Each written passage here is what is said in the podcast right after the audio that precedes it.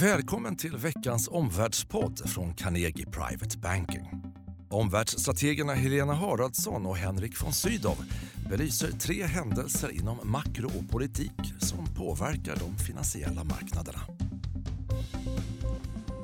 Välkomna Omvärldspodden torsdagen den 4 maj. Henrik von Sydow sitter här. Tvärs bordet har jag som vanligt Helena Haraldsson. Det är ju en kort vecka här, eh, tajta dagar, så vi får ta lunchen i anspråk för att spela in podden. Och eh, vi har tre frågor för veckan. Eh, först ut, eh, det starka vinststödet till världens börser. Vad är slutsatsen? Två, vi ser splittringsrubriker i Brexitförhandlingarna. Vad ska vi tro och vad ska investerare titta efter? Och tre, det drar ihop sig. Snart ska Riksbanksfullmäktige bestämma sig. Vem blir ny riksbankschef?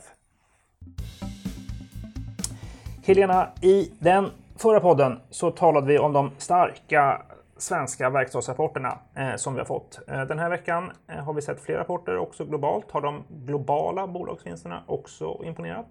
Ja, de har ju det som tur är. Vi står ju här och har över hälften av de 500 stora bolagen i USA som har kommit med rapporter. Och man hade ganska höga förväntningar innan, kring mm. 9% men det har blivit ännu bättre, hela 7 procentenheter bättre. Mm. Så riktigt imponerande. Mm. Och hur ser det ut i Europa? Lika bra, men en ännu högre vinsttillväxt. Mm. Alltså Europa ligger lite senare i cykeln och har haft en lite tuffare miljö. Men nu är det tydligt att vinsterna är på väg. Eh, tittar vi sektormässigt då, vad som har gått bra sedan mitten av april, då är det framförallt teknologiaktier faktiskt som har varit den starka sektorn på börsen. Mm. Där hittar vi främst bolagen i USA, så tänk Google, Microsoft, Amazon, bra rapporter. Men precis som i Sverige, även verkstadsaktier internationellt har gått starkt tack mm. vare imponerande resultatökningar. Mm. Vad tror du då om vi blickar framåt?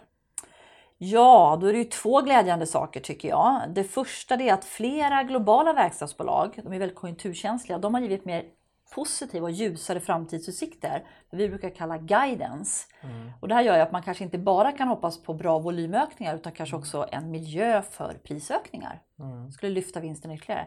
Det andra det är att nu ser vi faktiskt vinstupprevideringar från analytikerkollektivet mm. på de utvecklade marknaderna för första gången på flera år. Inte så mycket i USA, men tydligt i Europa. Mm. Vi ser det i Japan, vi ser det i Asien, men också på tillväxtmarknader. Mm. Får jag fråga, vad är din slutsats då, utifrån detta som investeringsstrateg? Jo, på dagens ganska höga aktievärderingar, särskilt i USA, så är ju börsen väldigt känslig för dåliga nyheter, liten felmarginal. Men med de här överraskande och imponerande resultatökningarna från bolagen så har vi faktiskt fått positiva nyheter. Och det här är viktigt för investerarna, för då kan bolagen växa in i de höga värderingarna. Ja, Henrik. Det händer ju andra spännande saker. Tonen hårdnar nu mellan britterna och EU. Vi får rapporter om kyliga arbetsmiddagar. Retoriken intensifieras från båda sidor. Hur ska man som investerare förhålla sig till sådana här splittringsrubriker? Räkna med mer rubriker. Räkna med att detta är förpostfäktning. Man kan beskriva det som en förförhandlingsflod mm. av olika rykten, rubriker, spekulationer i media. Det här ska ju också ses då mot bakgrund av det som jag pratade om tidigare, att Storbritannien ska ha ett extraval. Eh, ska ha val den 8 juni och mm. den cykeln spelar förstås roll för vad som det är nu för nyheter som, som kommer ut. Det här var en arbetsmiddag på Downing Street eh, med tio stycken deltagare som blev eh, stort uppslagen i Frankfurter Allgemeine, tysk mm. Ja, vad ska investerarna titta på då? Ja, titta inte för mycket på de här eh, krigsrubrikerna som ibland målas upp, utan titta snarare på den informationen som verkligen kommer ut från brexitprocessen. Hur reagerar företag på den informationen? Framförallt stora företag och framförallt faktiskt banksektorn i Storbritannien. Mm. Bankerna brukar ju vara tidiga med sin analys, de är eh, snabba med att fatta beslut. Det är en ganska bra indikation på vad företag i Storbritannien faktiskt gör för bedömning av var förhandlingarna kommer att sluta.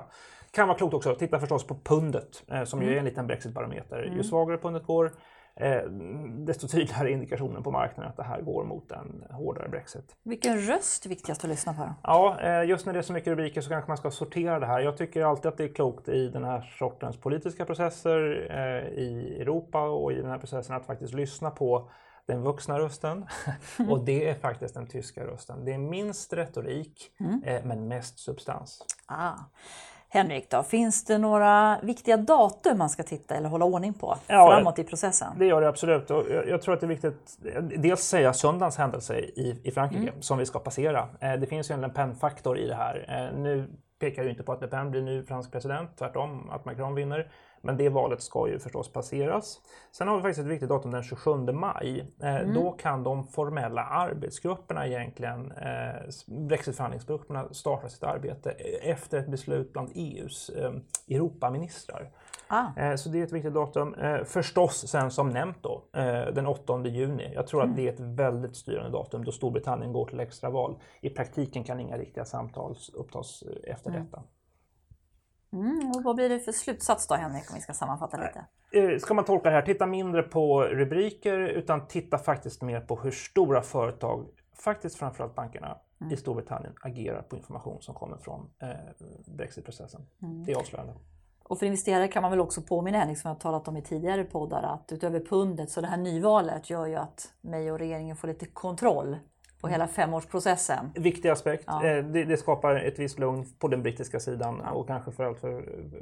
En lärdom är förstås också att investerare kommer få leva med en osäkerhet om vad Brexit faktiskt betyder. Ja, från britterna hem till Sverige. Eh, Idag träffas ju riksbanksfullmäktige och riksbankschefen Stefan Ingves mandat går ju ut vid årsskiftet så att det drar ihop sig. Hur ser den här processen egentligen ut Henrik? Ja, det blir allt mer uppmärksamhet på den här processen, inte minst för att det är så jämnt i direktionen när de fattar de penningpolitiska besluten. Men vem som blir ny riksbankschef, det bestäms av riksbanksfullmäktige. Det är en politiskt sammansatt forum. 11 ledamöter återspeglar de majoritetsförhållanden som vi har i, i Sveriges riksdag. De ska bestämma sig. Eh, om det är så, vilket nästan alla förutsätter då, att Stefan Ingves eh, faktiskt eh, ska bytas ut, hans mandat ska inte förlängas, då bör ett sådant beslut eh, fattas före sommaren. Och före sommaren, det är ju nästan då, då går man mot att det ska landa i slutet av maj, eh, kanske juni. Eh, Så det börjar faktiskt störa ihop sig.